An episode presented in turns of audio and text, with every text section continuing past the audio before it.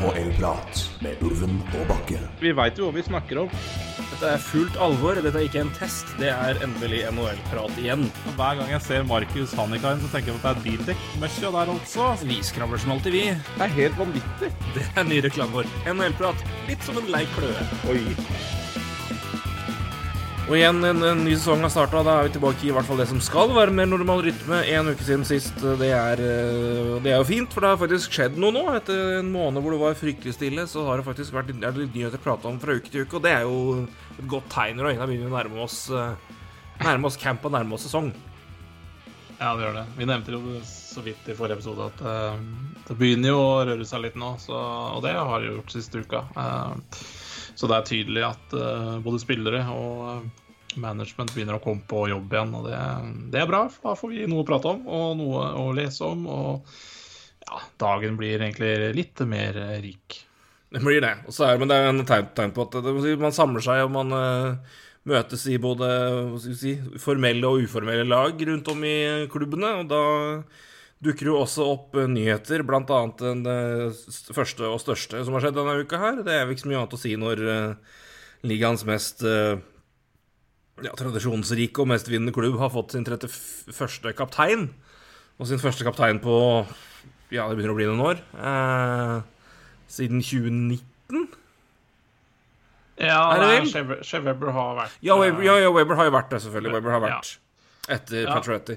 Ja. Men, um, men lell, det er, eh, så selv om det var mindre gap med det jeg kom på nå, selvfølgelig, så er det så er det uansett ny kaptein. Eh, og kanskje et valg som kanskje overrasker noen. Vi skal snakke en del om det. Men eh, Nick Suzuki eh, er eh, ny førstesenter og ny nysignert og eh, nå ny, ny, kaptein. 23 år gammel. Eh, har jo vært en, ja, vært en del av Montreal siden Det er vel siden 2019, da. Der at det er vel riktig.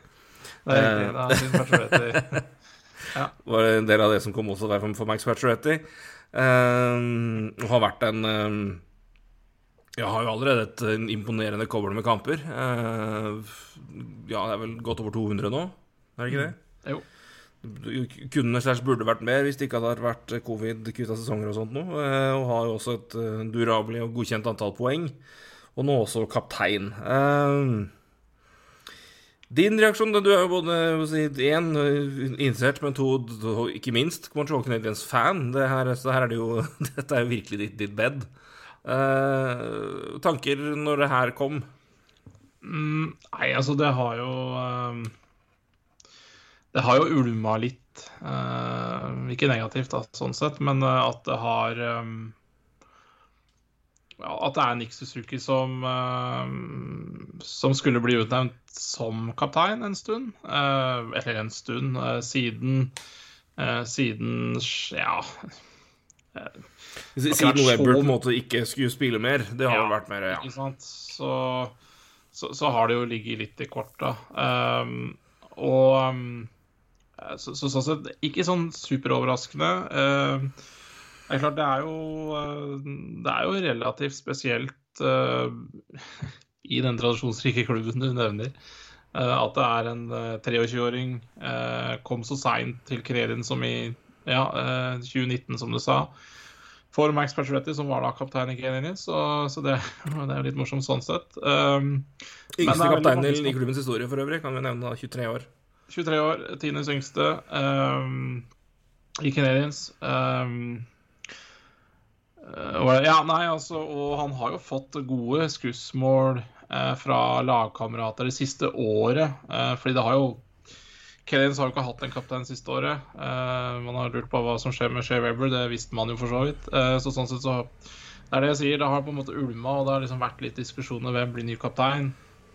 Og eh, Nick Suzuki har alltid vært en kandidat der, sammen med Brenn Gallagher, som Dual Edmundsen. Um, ja, så, det har kanskje vært de tre det har vært snakka om. Uh, nå ble det Nick Suzuki ny kaptein, og de to andre nevnte, ble assistent, eller alternative. Alternative. Mm. Klarer ikke å prate heller. Og mm. så, så syns jeg på en måte at uh, det ikke er så veldig overraskende. Um, det er um, i den uh, omstruktureringa, eller re-to-rebuilden som Canadiens er i, så er uh, Nick Suzuki kanskje den mest uh, naturlige lederen som er der nå, som skal være der over lang tid. Uh, ja, Brennan Gallagher har en langtidskontrakt, men jeg, jeg, tror, ikke Canadiens Får de et godt bud på han, så ryker han. Joel Edmundsen har vel to år igjen.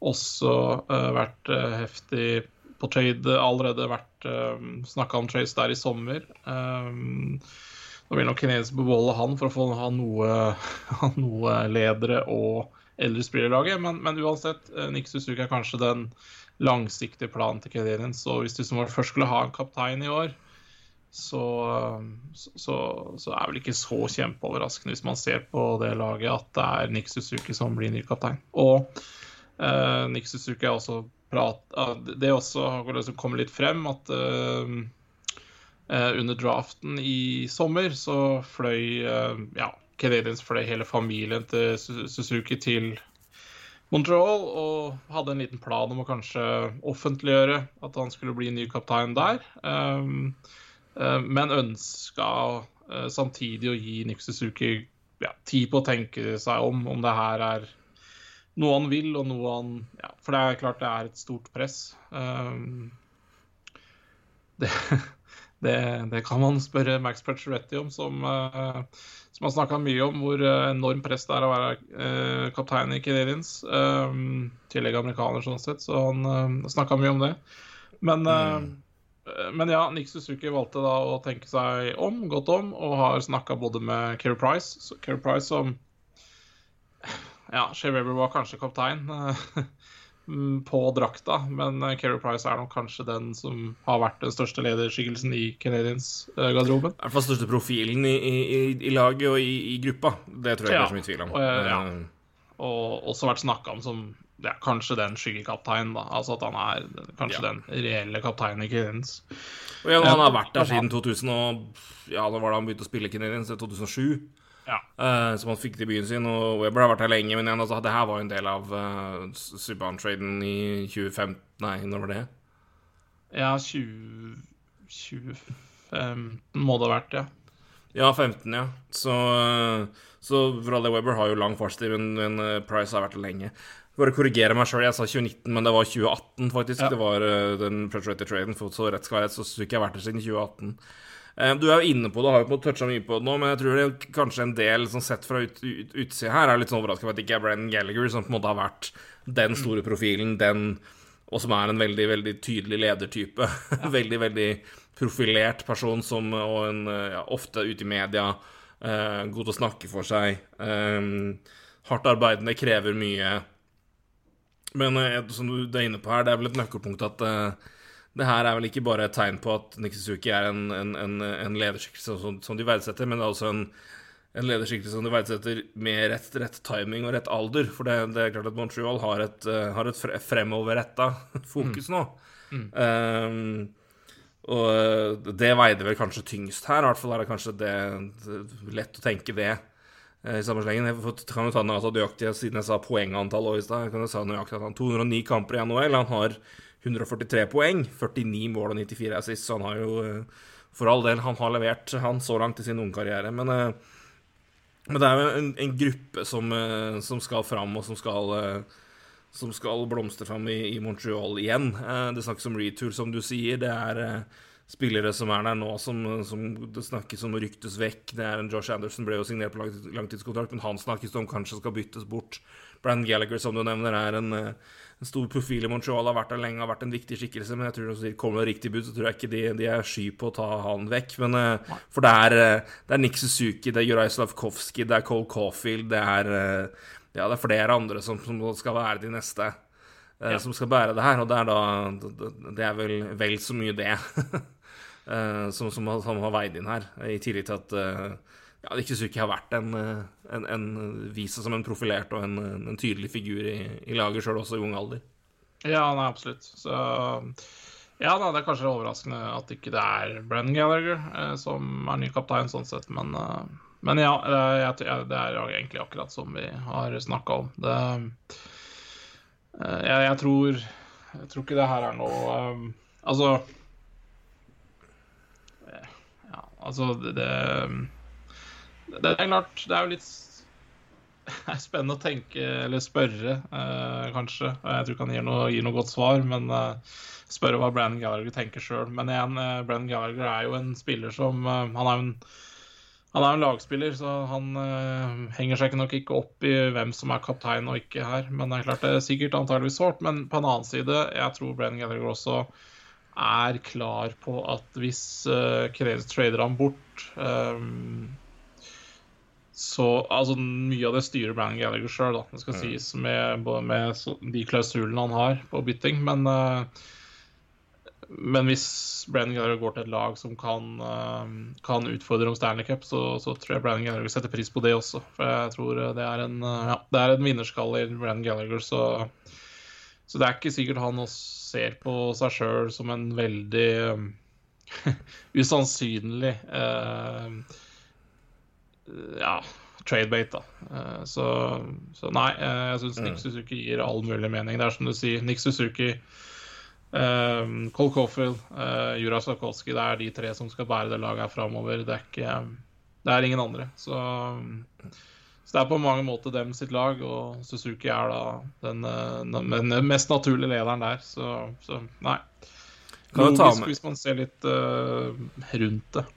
Ja, nei, det er jo sammensatt her. Og det er klart Montreal har også tidligere venta lenge med å utnevne kapteiner, så det er eh, De, de, de gjør ikke det her på lykke og fromme. Uh, så det er, det er 30 siden det er, det er 31 kapteiner på ja, nå godt over, godt, godt, godt over 100 år med, med, klubb, så det er eh, Og det er, flere av de sesongene har vært uten kaptein, så mm.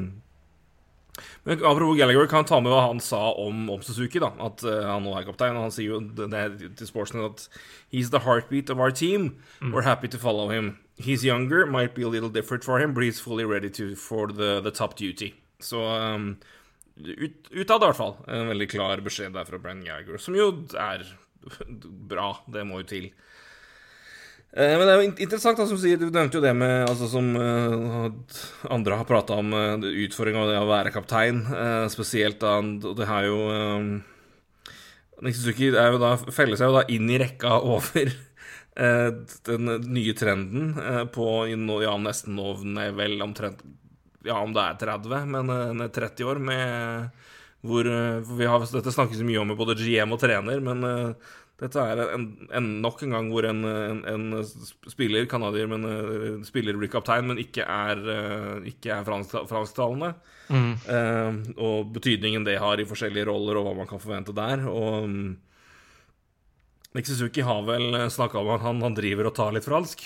han, har, han har gått fransk på skolen, han tar litt fransk og lærer seg fransk, men Eh, det er klart at det, det, Vi har jo sett det tidligere med at eh, det er jo ikke noe, det er ikke noe krav fra, fra fanbasen ned på kapteinsida, men eh, det er klart det er vel noen som har merka det, at spesielt hvis det heller ikke har vært kanadiske, at veien er kort til litt kritikk. Ja. Eh, som vel da Ikke minst Max Pacioretty fikk merke en periode, men som også kanskje var mer en symbol av vanskeligheten av et, vanskeligheten for laget, kontra at Max Pacioretty var så fryktelig person, men han var jo en, var jo en stille, stille, kar.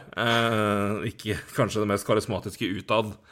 Så, og det er klart at det, i et marked som Montreal så kan det hende at det biter litt i, i, i arslet. Men uh, samtidig, ja, i andre enden så ser du jo da på den som vel da er den for den, den, jeg tror den forrige, så vidt jeg husker, forrige kapteinen etter han var Da husker du bedre, men er, er, det, er det, Vincent Dampos som er den forrige, eller er det Geek uh, Hvem var det som var uh, før Pacioretty, tenker du på? Nei, nei, jeg tenker på for, forrige fransktalende. Forrige fransktalende, Det må være Dan Pus, kanskje? Ja, for jeg tror han var kaptein For han var kaptein før, før Koivu. Ja. Skal prøve å se om jeg finner noe Team Captain, skal vi se her. Uh, Dan Pus, ja. Nei, ikke sant. Ja, nei, unnskyld, det det er litt for mye. Det er godt over 30 er det nå. Ja, ja. Men det var jo Vincent Dampos, og så tok Koivu over og var det i ti år, derfor 99. Men mm. du ser jo da at han En, en av kanskje moderne tids mest populære kapteiner er jo den personen som tok over etter Dampos, som er Sake Koivu. Mm. Som jo, det er klart at Der var det jo også litt uh, Litt spesielle omstendigheter som gjorde at det ble et veldig veldig nært forhold der, men uh, det er klart at ikke at uh, du får ta det, ta det litt med, litt med beregninga, jeg tror ikke det er en eller en at han hadde kreft som gjorde at han ble så populær som han var. Han var en, en fantastisk profil og en fantastisk mann. Men, uh, men uh, Sako Koivu var jo Ja, han, jeg tror ikke han snakka et ord fransk, og det var ikke så mye. Kanskje han lærte seg etter hvert. Nei, jeg tror ikke han brydde seg, men jeg tror det, det, det ga, det ga Montreal-fansen blaffen i òg. Så det er klart vi ser vel det på, tren, på, på, på, på, på kapteinsida mindre kanskje enn på GM og, og, og, og trenerfronten at, uh, at, det er mindre krav til det. Men klart at det er som hvis du hvis, hvis, du allerede på en måte har, begynner å ulme litt rundt deg, så det, da blir det kanskje enda mer trøkk hvis du da ikke er canadier eller frankofon. Men uh, det, jeg tror ikke det er noe krav til Nick Suzuki. Men uh, hvis han prøver å, blir god nok til at han kan ta en intervju på fransk, så tror jeg ikke det er noe negativt. Nei, nei absolutt ikke. Det, det, det er um, Ja, det er i beste fall fascinerende å se. Så, men, men, igjen, det er det, det, virker, og dette har vi snakka om før, det, men vi kan gjenta det igjen. og det, det, virker selvfølgelig veldig rart utad å ha krav om uh, å kunne fransk hvis du er i ledende posisjoner i Montreal Canadiens. Men det er bare å se en pressekonferanse med Montreal Canadiens, så skjønner du hvorfor. Uh, uh, det er franske nyhets... altså fransk-canadiske nyhetskanaler og aviser og det som er, som mm. også skal ha sitt. og som selvfølgelig også vil snakke sitt språk osv. Og, så videre, og, og det er franske sponsorer, og det er også fransktalende sponsorer. Mm. Uh, så, så, det er klart uh, det, det, virker rart utad, men du er, skal ikke følge ja. veldig mye med på Canadiens, for du forstår hvorfor det er litt sånn, da. Nei, det, ta et kvarter og les om Quebec, så skjønner du Og så ligger det i det. Men det er, eh, men det er en enorm interesse rundt Montreal Canadiens, og den uh, mye av det med medieinteressen rundt her, minst 50 er, fransktalende, kanskje mer. Uh, og at det kan være en hemsko for klubben, det, er, det, det kan definitivt være. Men, men, grunnen til at det er sånn, er Det er jo som det er, ikke sant. Og uh, Og så er det litt Det, det er liksom fast, så fint da, i en verden hvor vi ser nå hvor det er i den, i den, strukturen som faktisk er i Nord-Amerika, som det er i NHL, med franchises, og, og, du har liksom ikke Så er liksom Montreal er den klubben i, i, i egentlig hele Nord-Amerika for min del som gir meg liksom nærmest liksom klubbfølelse la liksom europeiske klubber som på en måte er stifta godt tilbake, og det er, eh, det er, klubbhus, og det er liksom tilhørighet. og det, altså, det, er, det er litt samme følelsen. At den fucker du ikke med. Og, det, og det, en del av det handler liksom om den tilhørigheten og den linken, og på en måte skiller du deg for mye fra det, så på en måte så blir det Da er det Det er liksom en identitet i, Canada, i Montreal Canadiens som er litt av det samme som man ser i ja, fotballverdenen i Europa, uh, og fotballklubber i, spesielt i enkelte land i Europa, og her hjemme òg, for den saks skyld. Så, så den, det, og det liker jeg. Jeg liker det. Uh, så uh, det er det er klart at det, det er sært for sikkert For mange er det sært, vi har snakka om det før, og sært å forstå hvorfor, men, eh, men det er en eh, det, det er et, Dette er liksom det mest Du kødder liksom ikke med tradisjonen i Montreal, og det, det er et vesentlig poeng. Nei, det, det, er i hvert fall Klubben er større enn noen spillere der, i hvert fall. Mm. Og det ja, det, igjen, det kan godt hende det er en hemsko for, for klubbens sjanser. Men, men igjen, det, det, det, er nå litt sånn det er. Montreal Canadiens er, er symbol på, på, på, på, idrett, egentlig, i, i Quebec. Og igjen Mange har snakka om å få Quebec Nordiques tilbake. et lag som ikke vil sette pris på det, er jo Montreal Canadiens. For det er klart Uh, ja, fint med Quebec-oppgjør på isen, men uh, utenfor isen vil jo Montreal Canadiens tape uh, mye penger. Så, mm.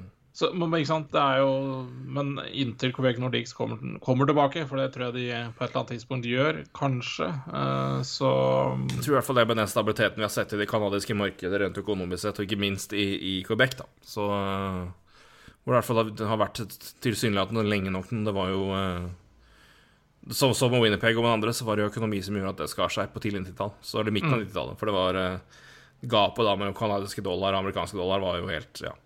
Den var rimelig stor. Så ja. uh, det er noe helt annet nå. Absolutt. Så, så, så inntil det kommer Krug Nordics kommer tilbake, så, så er Canadiens den helt Altså, det, det ja, det er symbolet på, på mye i Quebec, så, så, det er klart det er viktig. Um, det rundt, da. Om eh, språk og alt det her. Så, men, eh, men, uansett fint at ikke kapteinsemnet må kunne fransk flytende, for det Ja, her får være en måte på hva man krever av en 23-åring som har hatt fransk i valgfag, liksom. Det Ja. Det, det, hadde ikke vært mange kapteiner der i dag, da, hvis, uh, hvis det var fransk som var kravet. Da hadde John Tandrew vært kaptein. Så eller David Savard, for så vidt. Ja, ikke eh, sant. Men, uh, men, men, det er, men det er Vi stopper jo omtrent der, så det Ja, det hadde blitt tynt. Yes. En uh, Ja, vi går fra kaptein til nysignering. Det var jo en Den ble vel signert tidligere i sommer, den. Robert Thomas-kontrakten på åtte år, 65 millioner. Ja. Det sa agenten til tydeligvis da om de ikke sa det først, så har i hvert fall tydeligvis agenten til, og, agenten til og Jordan sjøl sagt at fint, fint, det, vi tar det samme. Og det har de fått. Så Jordan Kyrie er forlenga nå med, Blues, åtte år, 65 millioner eh, dollar. En cap hit på 8,125. Den kicker inn neste, neste sesong. Så samme som Robert Thomas, da de har ett år igjen på avtalen sin nå, og har da forlenget da åtte år, så det er begge de avtalene går ut uh, i 2031. Uh, eh, herregud, tenk at det har kommet så langt i verden at vi har kontrakter som strekker seg forbi 2030. Mm. Det, er, uh, det, er, det, er, fascinerende, det. Men uh, nok om det. for heller spekulere i egen alder og dødelighet på fritida. ja. men, men Det nærmer seg. Men det her er vel én uh, deilig å få, den, få det her sikra tidlig. Eller greit å få det sikra tidlig. Og to Robert Thomas Jordan Kyrie hadde like, hadde like, kontrakter og fortsetter å ha like kontrakter. Det er vel en uh, Ja, det er vel noe som en god solidarisk nordmann setter pris på. ja, det her er sosialdemokratisk hyggelig, det her. Nei, men, men jeg syns jo det gir mening uansett. Det er jo komme inn likt prestert omtrent på, på, på, like godt nivå, begge to, og har tilsvarende like roller. Så det, er, eh, det her er vel eh, Og bra verdi for både klubb og for spiller. Ja, og tar jo på en måte over eh, arven, kan vi si, om et år etter O'Reilly og Tarasenko. Hvis ja. du ser på de lønningene som forsvinner der i de to, så, så ja, så er det ja, vel eh, Det dekker vel ja. omtrent en økning av Ja, mer til, men eh, begge spillerne går jo da fra 2,8 millioner til 8,125. Og mm. Til sommeren så har, uh, går kontraktene til både O'Reilly og Tarasenko ut, og begge har 7,5 millioner capspace, så det, det, dekker jo det og mer til. Men uh, de skal jo erstattes, de òg. Men de. om de ikke forlenger, så får vi se det, hvor, hvor, dyrt eventuelt det blir. Men, nei, men, det, men, det, er, men, det, men det er fascinerende å se det nå når man Toucha litt innom det sist, men det er vi ser jo mer og mer av den trenden at man, man går da liksom rett fra eh, Nå har jo de faktisk hatt en, en, en mellomavtale da, i den perioden her hvor det har vært eh, Hvor det har vært litt eh, ja, flat, flat cap og, og, det som har vært. Men eh, jeg syns jo det er fascinerende at hvor få spillere som har eh, nå vært og hatt mulighet til å, å, å gå på en sånn avtale. Nå er kanskje de gutta her hakket for gamle til at de hadde da blitt sendt rett ut i UFA, og det hadde aldri klubben akseptert. Men vi ser jo på en måte trolig en slutt på på at capen går opp med 1 million og 1 million og 1 million om, sagt, om tre år. At da ventes det at det kommer en, en, en massiv uh, økning. Men det er interessant at det er såpass få av de spillerne som uh, hadde vært si, gode kandidater til å ta den treårsavtalen nå, og så casha inn stort da. Det er mange som har men igjen, en helt annen, helt annen kontraktstruktur i NHL og, og en sikkerhet, da, kaller det det, enn det er i de flere av de andre nordamerikanske ligaene. Men det er interessant, da, som jeg toucha litt inn på forrige podkast, at det er såpass mange som går nå rett på mm. fullt åtte år for det som nå er meget, meget rimelig betalt, men som om tre år kan fort være godt under marked. da, At de, de risikerer jo da å sitte på noen av de siste fire-fem åra som er hvor de er eh, ja, i gåseøynene godt underbetalt med tanke på verdien de har som spillere. Men uh, igjen, det er, uh, det er en, du er garantert 65 millioner dollar. du har åtteårsavtale ja. sikra, du har åtte millioner inn, så det er jo det er jo en, det er jo en Vi ser kanskje mer enn at i mye større grad så er velger hockeyspillere lengre sikre avtaler framfor det at de som vedder på seg sjøl og tar liksom korte avtaler og og casher inn. Det er jo noen som gjør det, men det er mer på en måte av, av nødvendighet framfor liksom av eget ønske. At de Taylor Hall gjør det, men det var fordi alle andre avtaler røk. Jon Klingberg gjorde det nå, men igjen, det er fordi alle andre avtaler røk, og det er en ettårsavtalen i Ducks gir mening for ja, de partene der. Men uh, det er interessant da, å se den, den, den, trenden der. Ja, det er det. Um, det jeg hørte et intervju med Bill Scott. Han er altså director of salary cap management i Edmundton Oilers. Veldig interessant intervju der han snakker litt om bl.a. det her. og um, hva for han snakka om at uh, Edmundton Oilers planlegger ikke på de ni millionene som, som, vi snakker om. da. Så de, og, og, det tror jeg nok er veldig lurt, for igjen ingen hadde trodd at verden skulle stoppe opp i to år. Ingen veit hvordan verden egentlig er om tre år. Så, og, det gjør jo det gjør, det, gjør, ikke Bill Scott og Edmund Norris, og det gjør heller ikke Jordan Carew. Han veit ikke hvordan livet er om tre år. Så, så jeg, jeg, tror nok det er det også som, som, henger litt ved. Og jeg tror så lenge du tjener 65 millioner dollar i løpet av åtte år, så, så har du det greit allikevel på slutten av den kontrakta. Om du om du så har lagt noen penger på bordet igjen fordi du kunne venta, det veit man aldri. Men, mm. uh, men, altså, ja, igjen, sikre for framtida. Uh, eh, verken spiller eller klubb har lyst til å gamble om hva som skjer om tre år. Så er det kanskje ikke noe valg, da. Uh, I dag, egentlig. Um, så, så, det er liksom det er litt to sider her, da. absolutt. Ikke... Absolutt. Det er ja. Men det, jeg, jeg, jeg, jeg, vet ikke jeg, jeg, forstår dem jo godt, i hvert fall med tanke på det, det, det, som er det som er forskjellen her, da, i min større grad, at du har en Det er en mye mer sikrere og, og, og når den først er signert, så er den kontrakten på en måte beinhard.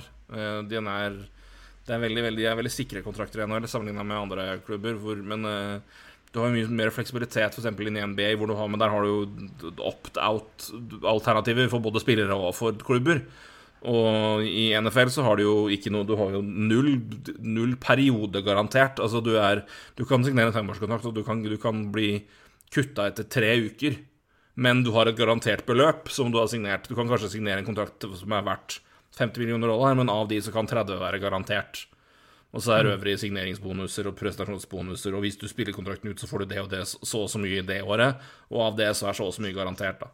Så hvis, du, hvis du kuttes før tida, så skal du i hvert fall ha totalt sett tjent den det garanterte beløpet. Og du har jo det NHL er noe helt annet. Men, uh, så det er jo det er klart en forskjell der òg, å se liksom hvordan uh, hvordan vi gjør det. Og klart, med den, med den sikkerheten og den uh, Ja, på lang sikt spesielt da i NHL, så er det, det, det er vanskelig på en måte å klandre noen klandre noen på det. Men det, er fascinerende å se forskjellen spesielt da i, i, NBA og NHL når det gjelder uh, unge spillere og unge stjernespillere, og hvordan de hvordan, hvordan, de ja, strukturerer, strukturerer, egne avtaler. Um, men, men, men, igjen, det er men igjen, det er samtidig jo at det er et Det er jo en, en, en det er en, tyngde her da, med, en salary, med en hardcap sånn som du har i NHL. Det er klart at du, du, kan jo ikke Det er klart du kan jo selvfølgelig som Conor McDavid si at jeg fortjener å ha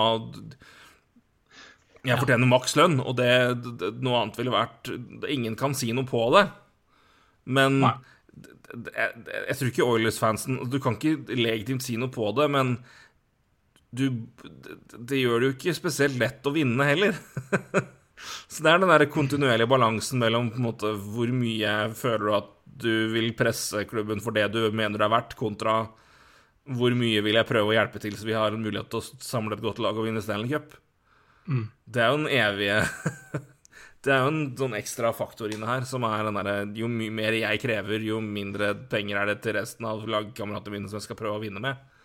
Det er jo den evige balansegangen her, da, som du ikke har i samme grad i de andre. Du har, du har cap der òg, men, men strukturert på en helt annen måte. Eh, absolutt, absolutt. Og det der er jo um, Ja, det, det er jo veldig vanskelig å hva skal jeg si uh, Finne Altså nå skal for eksempel da, uh, neste sesong, så, eller neste år, og vi ser vel da kanskje allerede um, jobben som gjøres nå for å forlenge med Nathan McKinnon, liksom. Får vi mm. se da hvor, hvor, mye ender han på. Eh, kommer han til å eh, Jeg veit det var snakk om i vinter at han skulle ta litt discount for å være i, i Colorado Avalanche. Så får vi se da om det, om det bare har vært uh, bullshit, eller om det har vært noen som har funnet på noe. Men jeg, han kommer Altså Det som har vært snakka om, er at han ikke kommer til å tjene mindre enn Conor McDavid. Og det det er ikke discount, for å si det sånn. Eh, men det er nei, nei, velfortjente penger. Men det er velfortjente penger.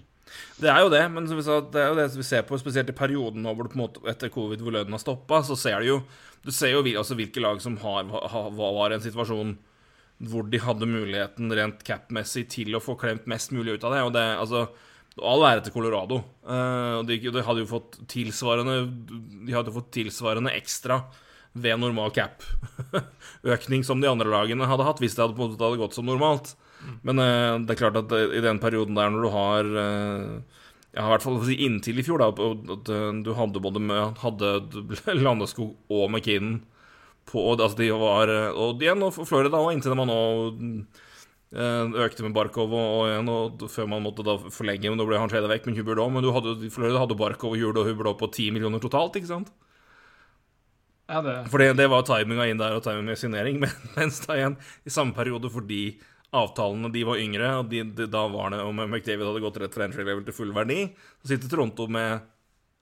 Matthews og Marner på det dobbelte, fordi istedenfor å få den mellomperioden som det da var med McKinnon, med Barkov, med Pasternak og hele den rekka der Så det er timinga på når det kommer. Jeg husker jo det at vi, hvis vi Og det, det mener jeg at det var helt det er jo helt tøys i etterkant nå å si at Leon Dreisaitl er Leon Dreisaitl er jo veldig underbetalt.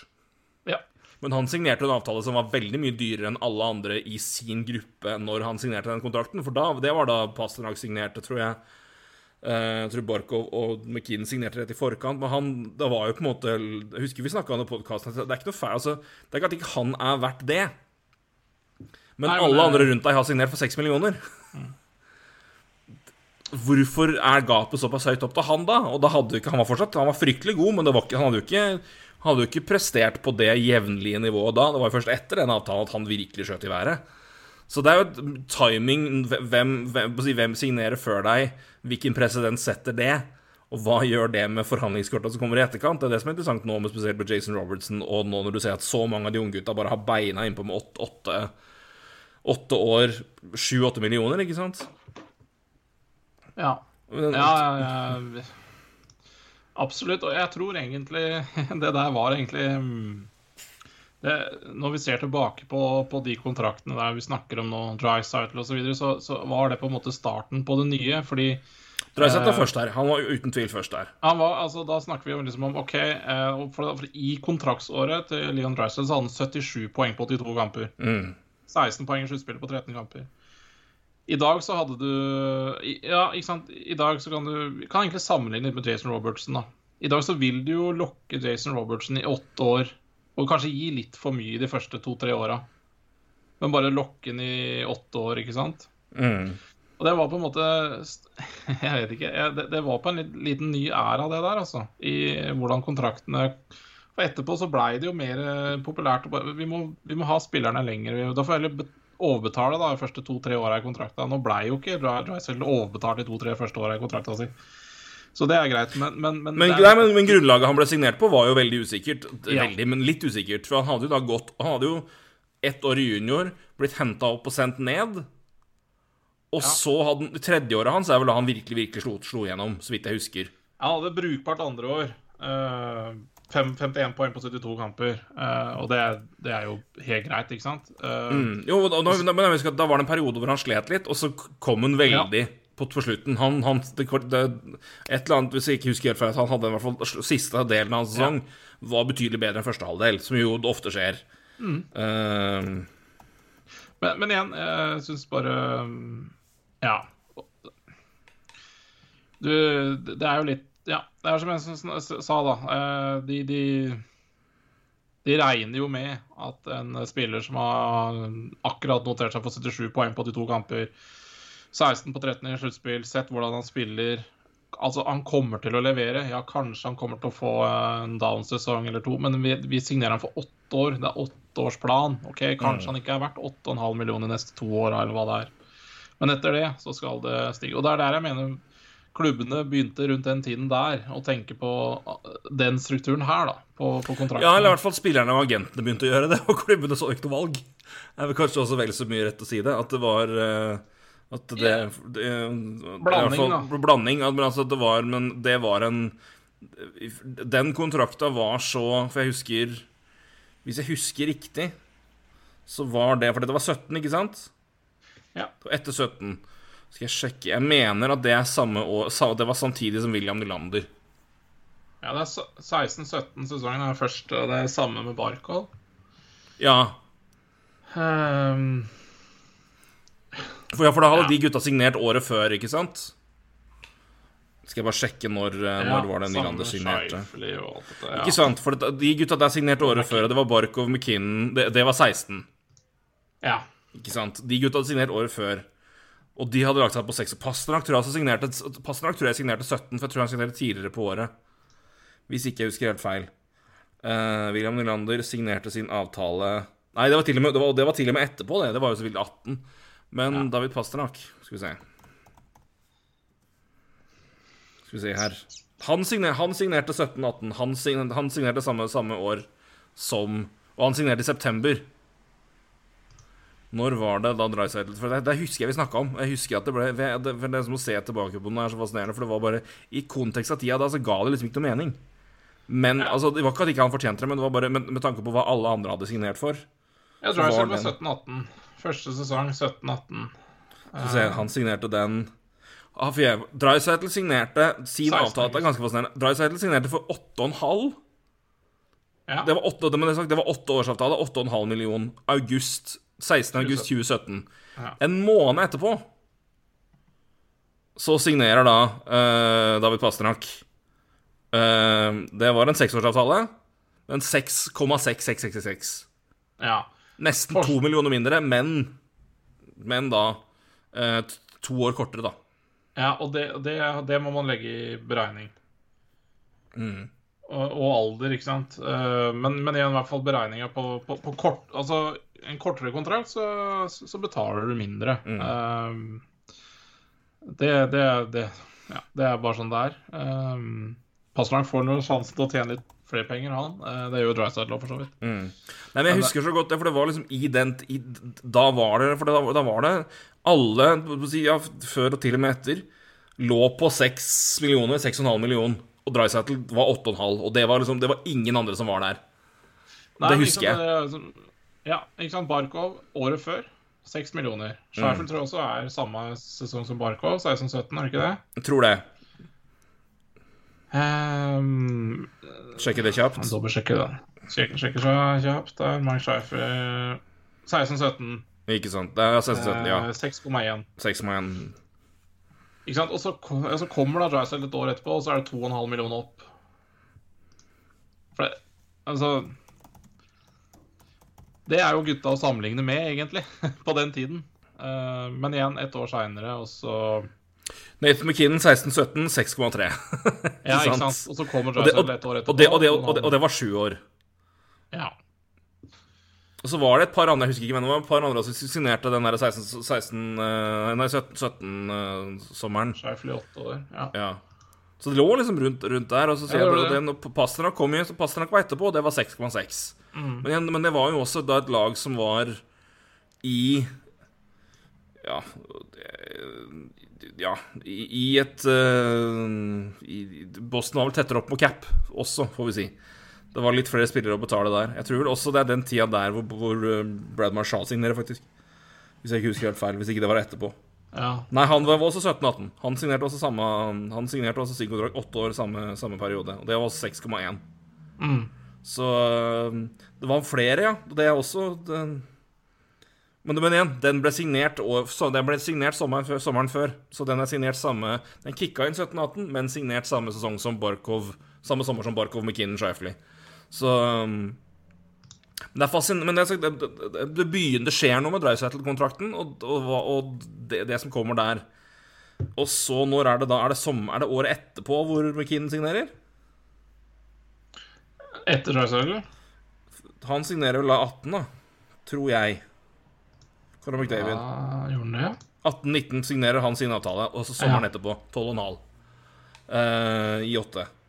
Så det begynner da med, med, med Dreisaitl, og så kommer McDavid og tar det Ja, selvfølgelig. Ja. McDavid, ja. Mm. Så um, Og da snur det jo Og da forandrer jo den ja. uh, den, uh, den, type avtaler helt. Da, da, går du fra å ha den fem Altså fra den perioden hvor du da hadde ja, McKinnon, Barkov eh, Som fryktelig gode, men som ikke hadde Men igjen, de hadde jo ikke levert så tidlig på det nivået som er McKinnon tar vel egentlig opp det som man gjorde med Ovetsjkin Crosby. Mm. Men kanskje forskjellen da er at Ovetsjkin og Crosby fikk de avtalene såpass tidlig og såpass dyrt, og var jo egentlig den minst like dyre i prosent, kanskje mer i cap-prosent. Jeg tror, jeg tror, faktisk at på det meste så var Sidney Crosby nett tett opp på 20 det er på cap, altså prosent av capen som lønna hans var. Ovetsjkin tilsvarende. Forskjellen er jo at de signerte Ingen andre fulgte den trenden. Å, mm. Fordi de var såpass ekstremt gode, så, de skilte seg såpass ut som unge spillere. Og med å produsere såpass Det er jo ikke samme trenden etter Crosby Novetsjkin på å gi gå rett fra entry level til en sånn monsteravtale på mange mange år. I hvert fall ikke i samme grad. Um, så i stedet så blir jo resten signerer jo de der mellomavtalene, som jo da fører til McKinnon, Barbarkov, de avtalene der. Det vi ser nå, er jo det at i stedet at alle får de den i gåseøynene, får den avtalen hvor du går åtte år, åtte millioner, ni millioner, sju millioner. Mm. Til og med de som på en måte Vi tror det er helt riktige avtaler, og de, de får liksom Men du gambler nesten på det for å på en måte de har det potensialet, vi vet de på en måte er kapable til det, men de krever det én. Og knytter vi dem opp nå, så har vi mulighet til å gjøre det til en sum som er mer enn de kanskje overbetalt i år 1-2, som du sa, da, men forhåpentligvis er de da underbetalt i år 3, 4, 5, 6, 7, 8. Mm. Så, bare kjapt, uh, bare kjapt uh, du nevnte Crosby Ovetsjkin og prosenter av kontrakt. Uh, så var Ovetsjkin på 19, nesten 19% Ja, han var den dyreste. Han, han hadde vel Crosby har alltid vært 8,7. Ovetsjkin fikk vel 9,1, tror jeg. 9,5. 9,5, ja, ikke sant? Og så Crosby, var på 14,5% 14,5 er omtrent det samme som Matthews signerte på ja. når det gjelder prosent av capen mm. på det tidspunktet du signerer. Så så Ovetsjkin er nesten 20 Ovetsjkin har 9,5 millioner da capen var 42, hva det var for noe. ja. Uh, det er jo sjukt. Altså en liksom, femtedel av hele Nei, men, men, det, sånn var det jo. Men, men, men det er forskjellen at de, de, de gjorde det, men ja. de fikk ikke men det var ingen andre som på en måte fulgte opp etter de, fordi det var ingen som var som dem. Men nå ser vi da at etter at Drysaitl og ikke minst da McDavid, så kommer det situasjoner hvor igjen får vi se unge spillere i mye større grad da kommer inn fra entry level-avtaler og leverer, leverer, mål, poeng, produksjon som er på ja, førstesenter opp Altså Art Ross-nivå, da. Mm. Hvor, du får den der, hvor du får det der. Men du ser liksom at uh, Men da har, det, da har det gjort at gapet fra at man, de, de, signerer ikke lenger avtaler på 7, 8, 9, som gjør at de under får 5, 6.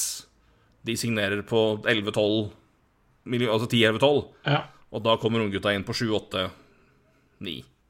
Mm. Så det er jo fascinerende med Det er mye tall å henge med på her nå, midt i det hele, men, eh, så jeg håper at det ikke var altfor forvirrende. Men det, er, men det er en fascinerende å se liksom hvordan den hvordan den forandringa der har, har kicka inn, og, og, når det kom. For jeg husker Høydragsettesigneringa husker jeg kjempegodt. Jeg husker ja. veldig veldig godt at vi snakka om det. Og jeg husker veldig veldig godt at det var den, for den, den var så sær sammenligna med resten. Uh, så det var liksom Ja, jeg føler på en måte vi dro litt den nå, da. At vi hadde tre eksempler på spillere som eh, signerte året før til rundt mm. seks. Mm. Og så kom Drysdale 2,5 millioner ekstra neste sesong. Er klart, Den reagerte vi nok på. Ja, jeg, jeg, var, ikke, jeg var, ikke, noe, altså jeg var ikke noe fan av, altså jeg var ikke noe fan av den kontrakta da, for, på grunn av hva de hadde ligget på resten, og hva de andre hadde prestert over tid. Når de fikk den avtalen, kontra hva Drysdale hadde, og at capen ikke hadde Det var ikke sånn at capen hadde gått opp markant. Det var ikke noe annet som tyda på at han at det var liksom det som lå der som var presedens, var fremdeles de avtalene fra året før. Det var ingen andre som hadde signert for sju, eller liksom for Altså, det var så stort hopp, da. Uh, så jeg husker det at det var Og det hadde ingenting med at ikke Drycytle var god nok å gjøre. Det var bare, det, det, det var bare ut ifra det som var ja, standarden som var lagt, ja. som var sammenlignbart, så ga det så var det ikke noen grunn til at Edmonton burde gått inn der. Og spesielt i den situasjonen hvor Edmonton var som alltid på en måte har vært De har vært cap-pressa si, for de har jo alltid hatt, hatt De har jo valgt tidlig støtt. Så de har jo alltid hatt spillere med lønnskrav, ikke sant. Mm. Så, og det kom en McDavid-kontrakt som vi viste, så jeg, bare, jeg, jeg, skjønte ikke Men jeg husker det som ut ifra den standarden som lå, så var det en avtale som var Ikke, ikke at han var overbetalt, men, bare, men ut ifra hva han kunne, men bare ut ifra den standarden som hadde, hadde, vært lagt, og hva andre spillere tilsvarende hadde fått. Så ja, syns jeg det var rart. Men så kommer en situasjon hvor McDavid får den lønna han får, og så drar seg til å prestere som han gjør etterpå, så er jo han en av de mest underbetalte spillerne i ligaen. I ren lønn, sammenligna med hva de andre på hans nivå får. Så det, det, det, det er jo Ting kan forandre seg. Det betyr ikke at det ene var jeg, jeg, jeg, står fortsatt på det at det, i settinga da så var det, det, var overraskende høyt. Men uh, det, det, er jo ikke noe Men det er bare ditt krav på de det var Lønnsstrukturen forandra seg fryktelig fort i NHL etter å ha ligget på ganske flatt da, i nesten ja, I hvert fall etter at man uh, gjorde de gamle kontraktene hvor du signerte 14-årsavtaler. Ja. det var jo det man gjorde, istedenfor at, i for at de gikk opp og opp og opp i, ja. i lønn, i cap hit, så, bare, så, trakk man jo bare ut, ut åra man signerte dem på. Ja. Og slang på fire år med en million på tampen. Så det var jo Nei, det, nei, men det er, det, er, det er, et godt poeng, altså. Og det um, Ja, det, det, har jo ikke vært lett å være GM de siste ti åra. Altså med med, med det, eh, en helt ny struktur som du nevner der, og covid som har gjort at det ikke har vært, blir økt eh, lønn omtrent på noen år, og det som er, så det er ikke, det er ikke kjempeenkelt å langtidsplanlegge her. Nei, og det, altså, er liksom den timing, altså, av det hele. Da, sånn, du ser jo de som da de som da signerte, de som signerte alle sine avtaler, eller som hadde flesteparten som signerte avtaler av de beste spillerne i langtidsavtaler, da, før det hoppet her kom, de har jo ligget og kurva på det nå i en periode hvor, hvor høy lønn virkelig har liksom straffa deg. Med tanke på fleksibilitet, fordi capen har jo ikke gått opp. Så Nei, altså det er jo um, 13-14-15 halv, Halve ligaen har under 1 million uh, L har under 1 million i capspace. Eller mm. lag er på plussida. Altså Selvfølgelig med noe LTR som kommer til å slå inn til slutt, men allikevel, det er jo Altså det, det, det er helt spesielt. Det er den lønnsgreia.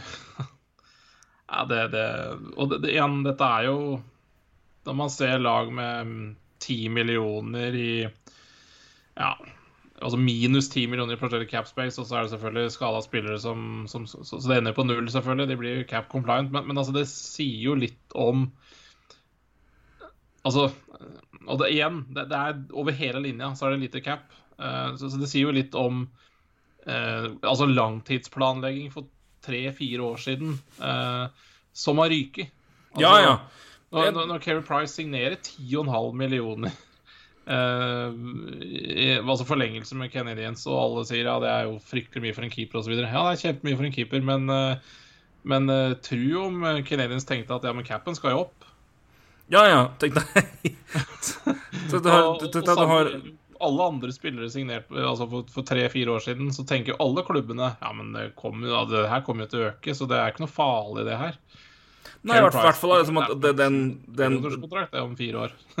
Nei, sånn ble det ikke. Så Toronto er, Toronto er jo prima-eksempelet på timing på de avtalene der, og capen stopper. Det er jo det er, det er maks uflaks på ja, de avtalene der. De, ja, absolutt. Um... og, og, de, i tillegg, og de var jo også Matthews og Marner signerte jo også kortere avtaler. Så de får jo ikke Det, det Edmonton kanskje kan håpe på å få, er jo at siste året til Drysettle og i hvert fall siste året til McDavid blir etter at capen flyr opp igjen. Ja, absolutt. Det skjer jo ikke med, med de avtalene til Toronto, f.eks. Så det er, det er jo Men det er en, til forskjell men da de som signerte to år før, da, som var da Boston, som har hatt Bergeron, Pasternak og, og Marshan til 18 millioner totalt, omtrent. Ja, ja, absolutt. Det, det er klart det har, time, det har med timing å gjøre. Ja, ja, ja. Men det har også litt med Jeg, jeg syns jo Liv skjøt seg litt sjøl i foten, og det nevnte jeg da, og det kan jeg nevne igjen. Ja, ja, ja, selvfølgelig. Og det handler om at uh, OK, hvis du gir Matthews en så kort kontrakt, for de kunne valgt å signere han lenger. Mm. Eh, men da, klart, da hadde capen gått opp. Uh, men igjen, dette har, dette har jo med, det er jo kalkulert risiko. Jo, jo, det er det.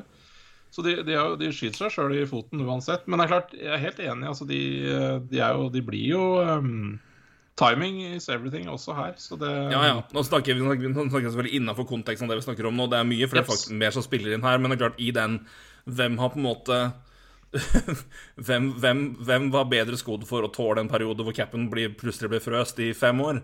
Kontra hvem ble, var ekstra utsatt for det. Så er det klart at det er, det er noen lag som da lå og, spill, og da med vilje lå og planla å være tett oppunder capen og jobbe med den, og da fikk plutselig veldig mye trangere kår enn det man hadde håpa på. Ja, og nå er jo det alle, alle. Ultimate eksempelet ja, du, du, har Toronto Maple Leafs, men jeg, også, vil bare ta noe vi også snakka om for, for fire år siden. Og det var når Team of signerte fire år, seks yep. millioner. Vi bare Hva i all verden? Han har vært mye, mye mer. Og så ser man nå, han er inne i siste sesong av sin fireårsavtale. Han er RFA med ti millioner uh, qualifying offer. Yes. Og det er, det, det, er, det er, liksom Det er prima eksempel på å skyte seg sjøl i foten uh, for at du vil ha capen lengst mulig ned. Uh, ja, altså Så, så Qualifying offer på 10 millioner på Team Wire nå neste sommer. Det, det gjør det nok helt sikkert, men, det, eh, men det, det, Dette er slags de har ikke fryktelig Det har de ikke veldig god råd til. Så det kommer til å svi på noe vis. Så det er uh...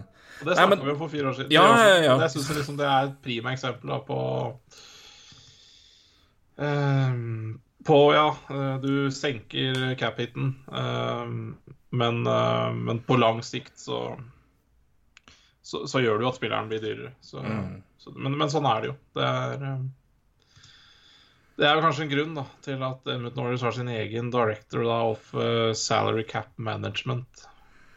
Ja, det er jo flere som har vært uh, ja, en... Andre har egne assisterende GMs for det, men det er bare ja, mm. det er artig tittel. Ja, de har jo mange dedikerte til det. Altså, det er jo Ja, det er uh, ja. Det, det, det, har, det, har, vært lag. Det, tror jeg ikke det skal være noen som helst tvil om. Så nei, men det er fascinerende. Det er, det er fascinerende å se det skiftet. Og fra Når vi bare går eh, i det som er I hvert fall i, i Når vi tenker på de siste tre åra, så har det på en måte vært, har det vært frys. Så det, det her er jo en trend som, som gikk veldig fort på tre-fire år. Mm. Så gikk det da fra at eh, Ja, i 16 så så signerte de fremste, yngste talentene på, ja, langtidsavtaler på det som var 6 millioner, 5,5 millioner, 6,5 millioner. Og så Nå sitter vi noen år senere, og det er eh, de, de, fremste talentene som har kommet inn og har begynt å produsere, men, eh, men, har kanskje ikke tilsvarende produksjon å vise til. Har avtaler som er desto dyrere. Um, og de tilsvarende spillerne, de får uh, Ja, om ikke i hvert fall godt, godt, veldig godt betalt. Og, de, og disse fremste stjernene går jo rett og rett, rett opp, så det er Nei, det er fascinerende å se hvordan det er. Og det tilsvarende er uh, Vi, vi snakka litt om det sist, måte, hva, hva, hvor mye skal på en måte egentlig liksom, en Jason Robertson ha? Og det er jo kanskje fremste eksempel på nå, men det er liksom og hva han og eieren Det fascinerende er jo at eieren, eieren til Dallas har gått ut og snakka om det og ment at det er jo helt tøysete det at unge spillere nå skal på en måte rette inn og ta så mye penger. Men øh, uh, men det var ganske ja, altså. Han vil ikke gjøre det, så det, det er... Nei, han vil, nei, det har de ikke råd til, men det er ganske fascinerende å se, liksom, å se på kontrakter og på måte hva de fikk. Eh, hva de signerte som, etter, som, som en sånn førstekontrakt etter entry level. Og det var eh, eh, David Castillo på Twitter som har en oversikt her over hva, hva man hadde over hva de hadde Hva spillere fikk eh, sitt eh, etter eh, entry level, altså hva de fikk sin første, første avtale, både i term og lønn, eh, og hva de produserte i, i poengproduksjon. Uh, Mitch Marner, da, som jo fikk seks år og 10,9 millioner. Rantan fikk seks år og 9,2. Kaprizov fikk 5 millioner og 9 millioner. Theo Stotzel signerte nå 8, år og 8,3. Tate Thompson 7 millioner 7,1, som vi snakka om. Lione fikk fire år og 8,7. Uh, av de her så er det Kaprizov og Marner som hadde beste point per game-snitt med 0,92. Jason Robertson har 0,97. Nettopp. så det er Han har altså et bedre poengsnitt enn noen av dem. 128 kamper, 125 poeng. Uh, uh, og skårer vel mer mål, i hvert fall, også enn en, en Mitch Marner. Så det er, uh, det, det er en, Dette er en spiller som Det er ikke lett å si hva som, til, hva som skjer her, for å si det sånn. Nei. nei, absolutt ikke. Jeg, jeg... Apropos en annen som signerte, signerte sin kontrakt i 2017. Det var Jonathan Huber, da. Seks år, 6,4 millioner. Mm. Så, så, det var Det, det var da til sommeren, som nevnt, da. I ånden av året før. Mm. Så det er uh, Så det er ja, fascinerende å se igjen, timing og når, når, når, det skjer. Og det er um, men, men, ja, men det er, det er jo en Nei, Robertson er jeg spent på. Som du sa, hvor, hvor havner han tett opp på han er, altså, Du har jo alle argumenter for å si at han har vært tett opp på ti millioner, ja, ja, som du sa. Ja. Det er det er, det er ikke noe du ja, Jeg syns nesten alt under er uh... Ja, da skal Dallas være fornøyd, altså. Uh, alt under, under ti, er, mm. er vinn altså, for, for Dallas. For jeg... Og igjen, dette er jo en spiller du vil låse for ikke sant, så Du vil jo det, så um, Men ja, det blir interessant for Jim Neal, som for øvrig nå ble forlenga til 23-24-sesongen. Også general manager til Dallas. Vi fikk nylig en forlengelse, så han skal bare sitte i hvert fall, til, sitte i, hvert fall i to sesonger til. Så det er greit å få den avklart nå, så før den vanskelige avtalen her skal Så ikke du risikerer jobben på den.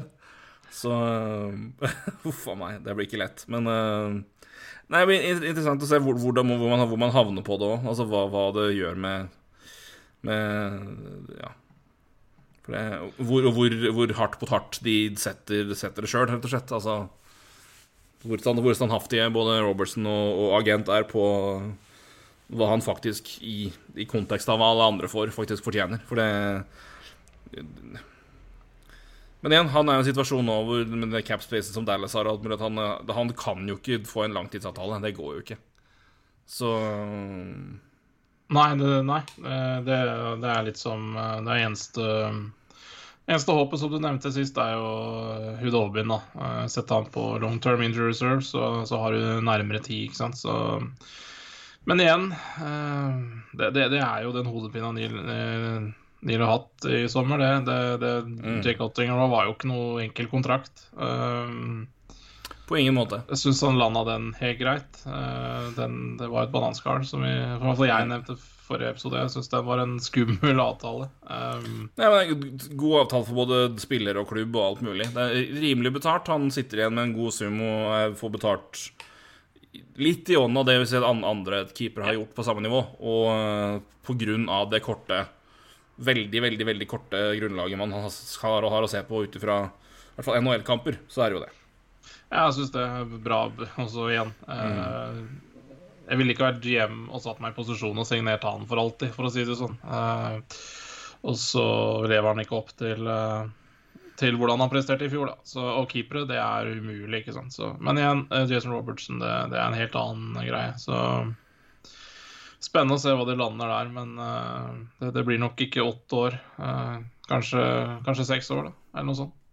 Jeg tror fort vekk det kan bli mindre enn det òg, altså, faktisk. For det er, ja. det er såpass uh, det, det er, Skal du bevege deg noe over tre og på en måte ikke Da må du opp, altså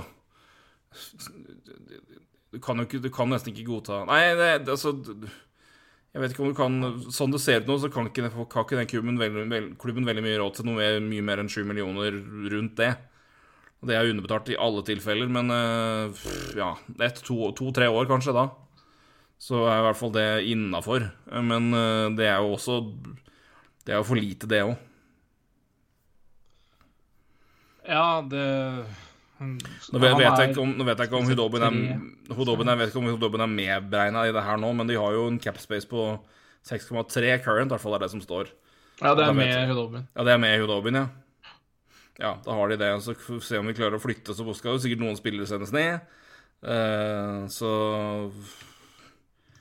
ja, Hvis de klarer å klemme 7,5, da, så er de Men da er det jo igjen trøkka på en, uh, en cap, så du har ikke mye fleksibilitet der. Men uh,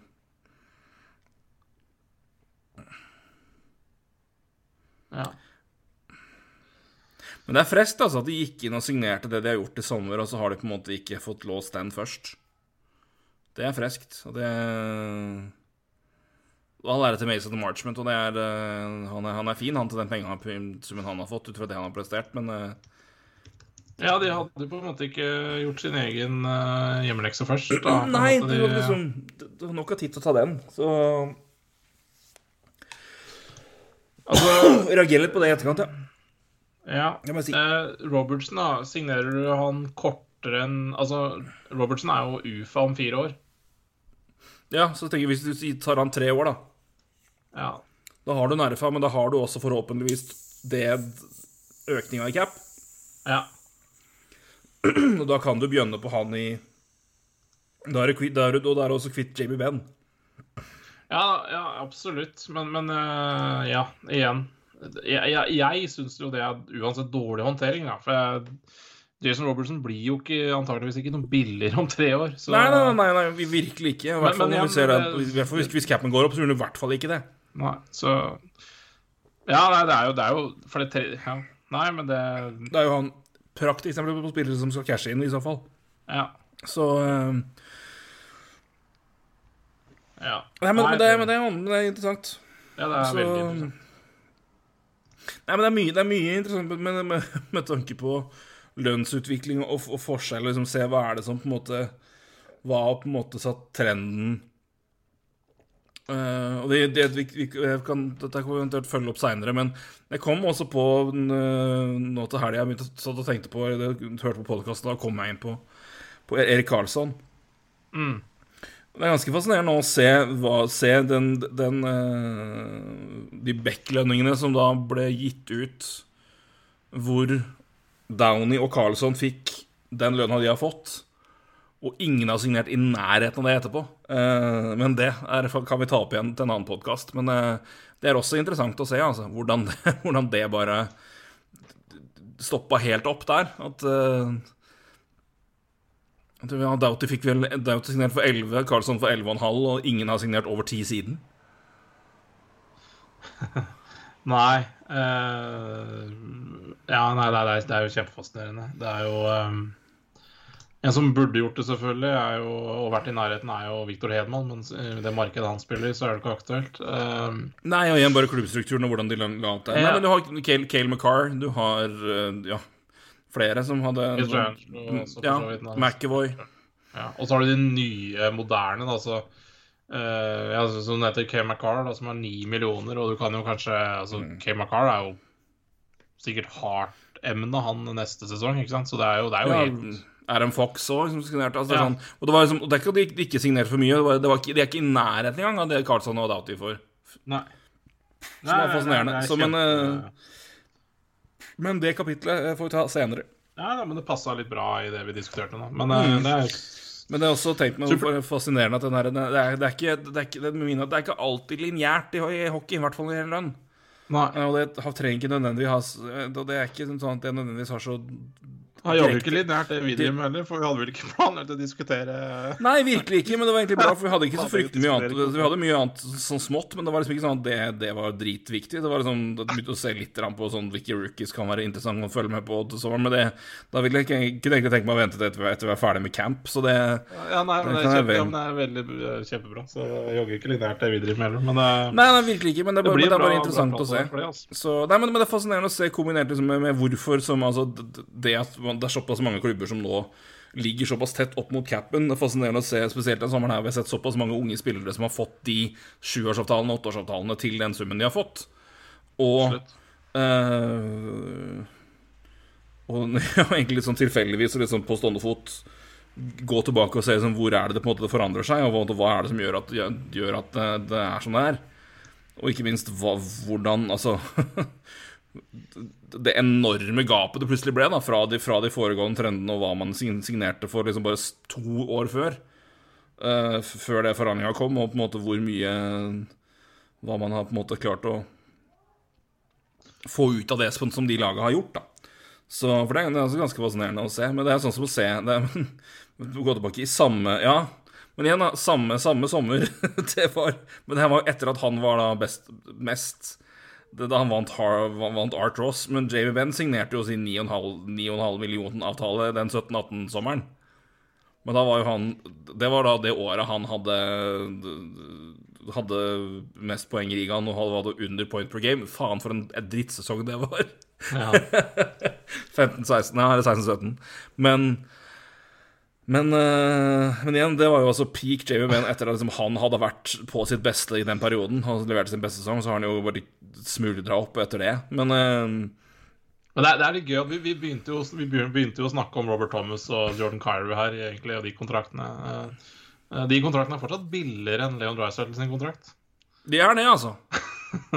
og det er noen år siden, så um, jo, jo, men jeg syns også, også, at Dreisaitl var et helt annet Altså, den Dreisaitl var et helt annet ja, Til å signere sin avtale så var jo han et helt annet potensial enn det, enn, enn det de Altså et helt annet uh, Han var jo tidlig, tidlig, valg og hadde jo, sagt, han hadde jo den, den utviklinga han hadde, og scora jo den i kontekst da, av at når han Det er kanskje verdt å ta med i den konteksten vi hadde der, at det året han hadde 77 poeng så var vel da, som sagt Jeg tror vel da faktisk at det var da jeg, jeg, Det var vel da Jamie Benn hadde 81 og ble, ble Art Ross-vinner. Mm. Ja. Tror jeg det var. Skal vi se Det kan være. Points Det var litt av tid, det òg.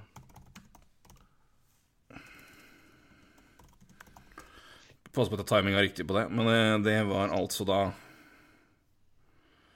uh,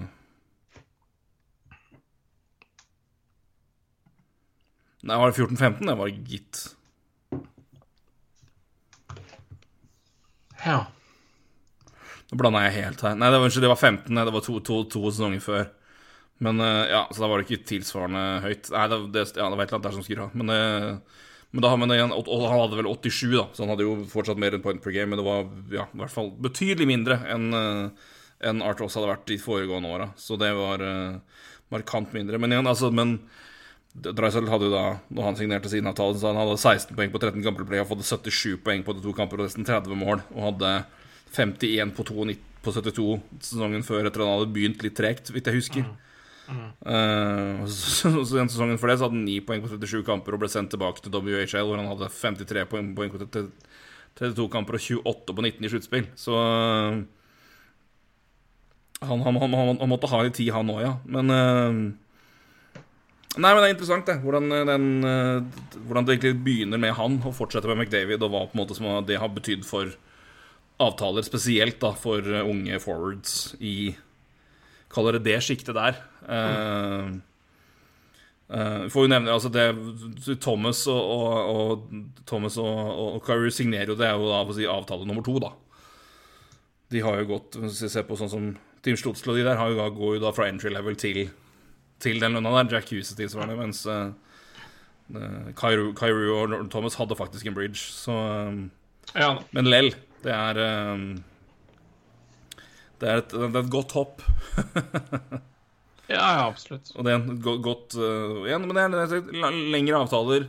Uh, Maksavtale i tid og full ja, kanskje hakk over det man eh, produserer nå, men eh, den produksjonen skal jo bare gå opp, og den eh, prosenten blir jo bare mindre og mindre. Spesielt om noen år. Så altså, i cap-hiten blir jo bare mindre og mindre, så prosentvis. Så det er Ja, da, så ser man jo det er jo rundt 8 millioner den gjengen der signerer for om dagen. Ikke sant? Så Stotsle, det er Josh Norris, som vi nevnte sist, Nick mm. Suzuki Jordan, Jack Hughes. Ja, Thomas og Carew, da, og Ja.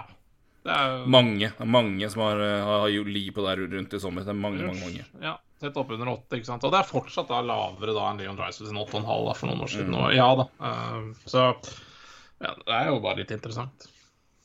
Ja, det er det. Det er aller høyeste grad interessant. Så um, får vi nå se hvordan det hvor det bærer en uh, videre. Men det er ja, Tage Thompson som en sju for sju. Så det ligger jo liksom rundt, rundt der. Så um, men uh, det ble mye lønn i den podkasten ja. her, men det er jo det er moro, det. Men det, det, vi havna på en, bøl, en, bølge, og det er uh, Men det, det, det kan kanskje gi litt, litt, uh, litt, oppsummering av hvordan vi på en måte havna der vi har havna nå, med, med den kaller det lønns, lønnspolitikken og den, den, at de krava er som de er fra, fra de unge gutta her, og at man den bridge-dealen vi har den vanligvis vi så, den er Den gikk jo fra å være sånn 2,5-3,5 til å da bli den 5-6 millioneren til å forsvinne helt, da. Mm. Kan vi vel nesten si. For det, vi kan kalle det bridge ikke. De signerte, gutta signerte jo kontrakter for sånn Ja, McKinnon signerte vel for sånn 5-6-7 år. Mm. Så kaller det bridge er vel å ta i. Men uh, Nei, men ikke sant. Det, ja, det, det, Men det var jo det de ja, gikk jo fra den, fra entry level til en, en Middles Bridge, og så eventuelt da til den avtalen der. Og så, men nå er jo den helt borte. Nå er det I hvert fall hvis du er et, et høyt, høyt, valg og produserer uh, si, viser. Vi viser at det er kapabel til å produsere på et, på et høyt nivå i løpet av entry-level-avtalen din, så får du jo den. Og så ser vi jo flere tilfeller nå hvor de har gjort det et år i forkant på et par av gutta her nå. De gjorde det på vel, ja, et år i for forkant. Det er også Tage Thompson er et år i forkant. Så mm. Det å ser vi jo mer og mer nå. Ja, man gjør det. Så det er fascinerende. Og det, det er vel kanskje også Ja. Uh, det er klart det gjelder jo ikke alle lag, men Så vidt jeg kan huske, i hvert fall skjer det mer nå at de signerer år i forkant. Ja. På entry-level-avtaler. I hvert fall den type kontakter som de gjør nå. Men så det er ikke alle klubber, men Nei, eh, det, er klart eh, det, det, er jo eh, Det er jo selvfølgelig ikke, Det gjelder igjen, det gjelder ikke de som går rett fra entry-level her, altså. men, men, igjen, du har jo et uh, offersheet-spøkelse også som er verre nå enn noensinne. Altså med tanke på hvor lite lønn det er der ute. Så mm, Virkelig. Og det er jo smart å i hvert fall prøve å låse spillerne sine før du, før du ender der, da. Um, som sagt, det gjelder ikke de som går rett ut fra entry level, men det kan gjelde de som har tatt en eh, bridge og får signert de et år før. Uh, så, så det altså er sikkert med i kalkulasjoner.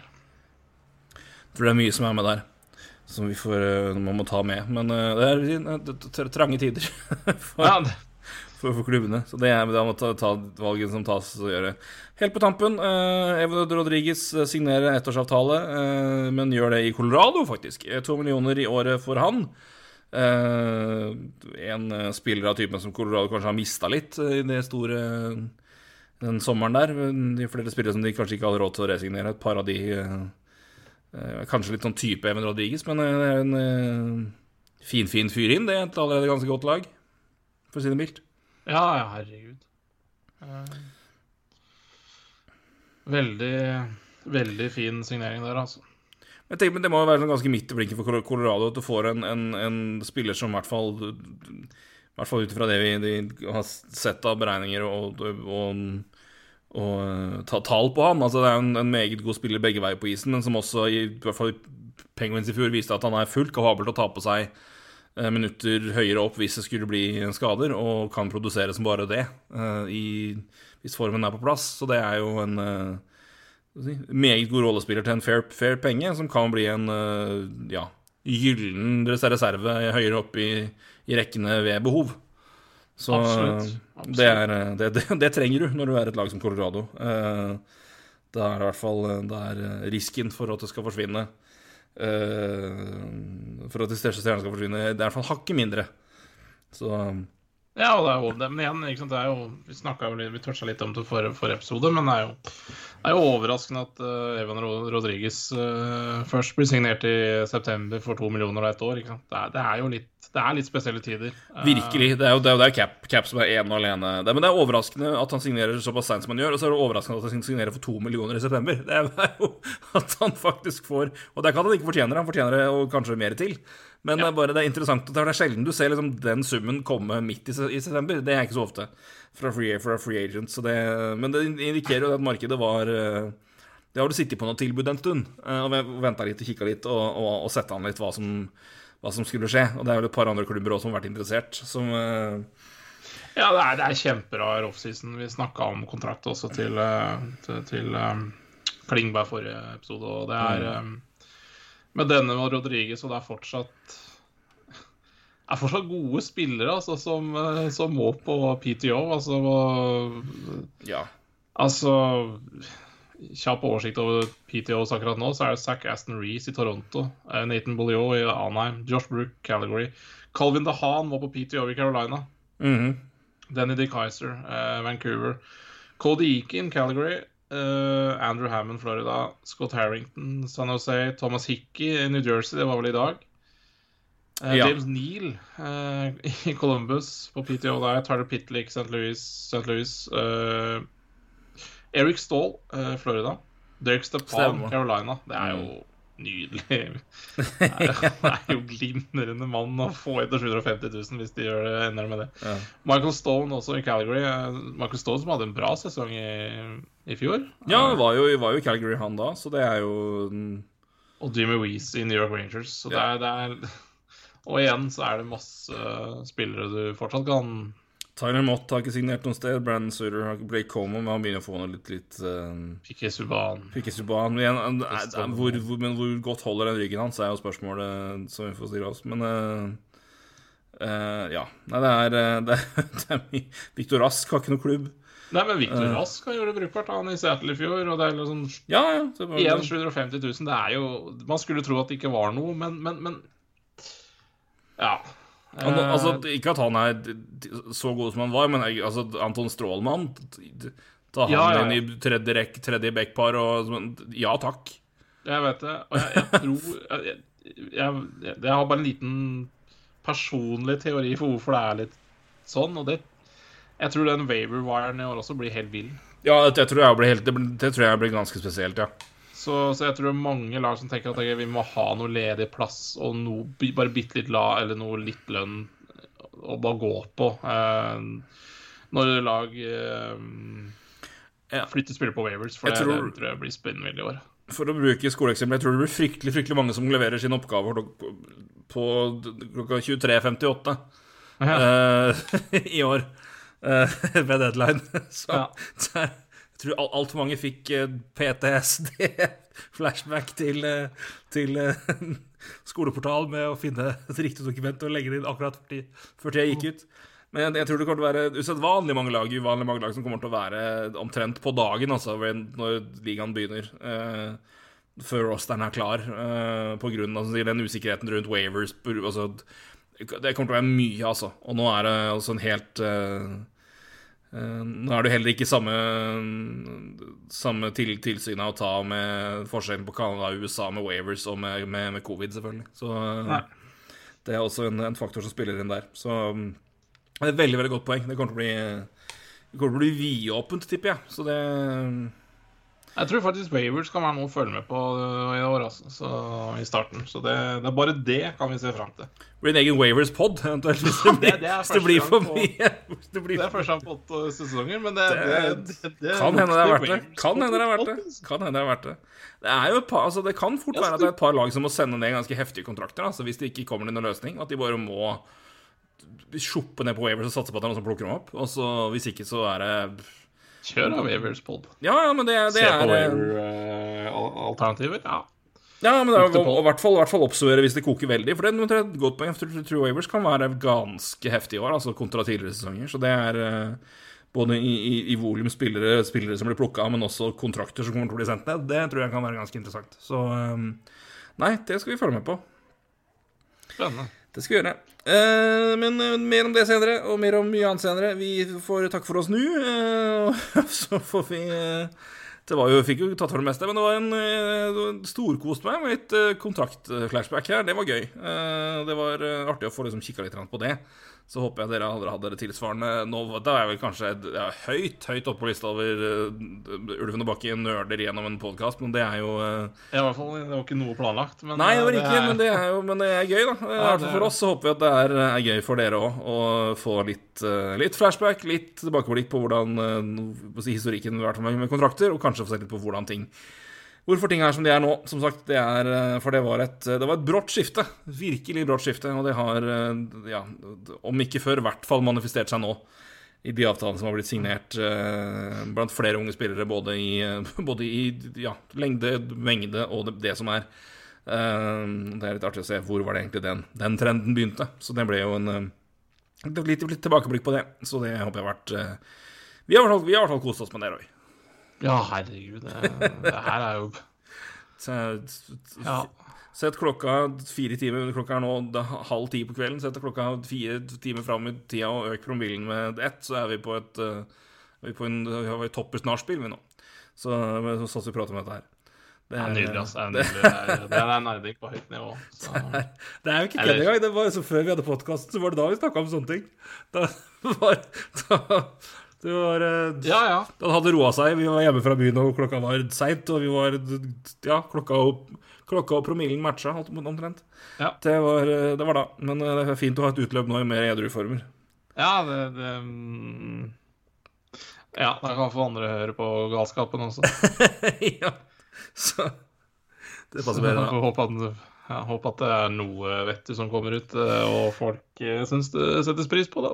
Ja, det, det, det, det hender. Det hender. Usikker, men uh... Vi takker i hvert fall for nå. Vi er tilbake om en ukes tid. Eh, hvis det ikke skjer så veldig mye dramatisk da som gjør at vi må oppsummere nyheter, så tror jeg nok at jeg har lyst til å sette meg ned og ta en liten Canada, Hockey Canada-podkast. Men ja. vi, sagt, vi ser an litt nyheter, og skjer det mye, så blir det en kan hende det kommer flere episoder. Kan hende det kommer flere episoder. Det kan også skje. Det kan oh, vi, er, vi er tilbake med, så, med iver og lyst. Så det kan Jaha. også skje. Det kan faktisk skje. Det er helt riktig. Men til da, takk for nå. Takk for at du hører på, og vi gleder oss til en ny sesong med, med dere og med NHL og det som er. Vi eh, det ble godt, var godt nå med en litt uh, lengre hockeypause enn vi har hatt på to og et halvt år, omtrent. og så ja. blir det, var det nå med litt mer hvis vi kaller det, normal uh, rytme på kampene. Og det er det som er. Um, så vi er tilbake om en ukes tid. Takk for nå, uh, Roy. Takk for praten. I like måte. Hei, du. Hei.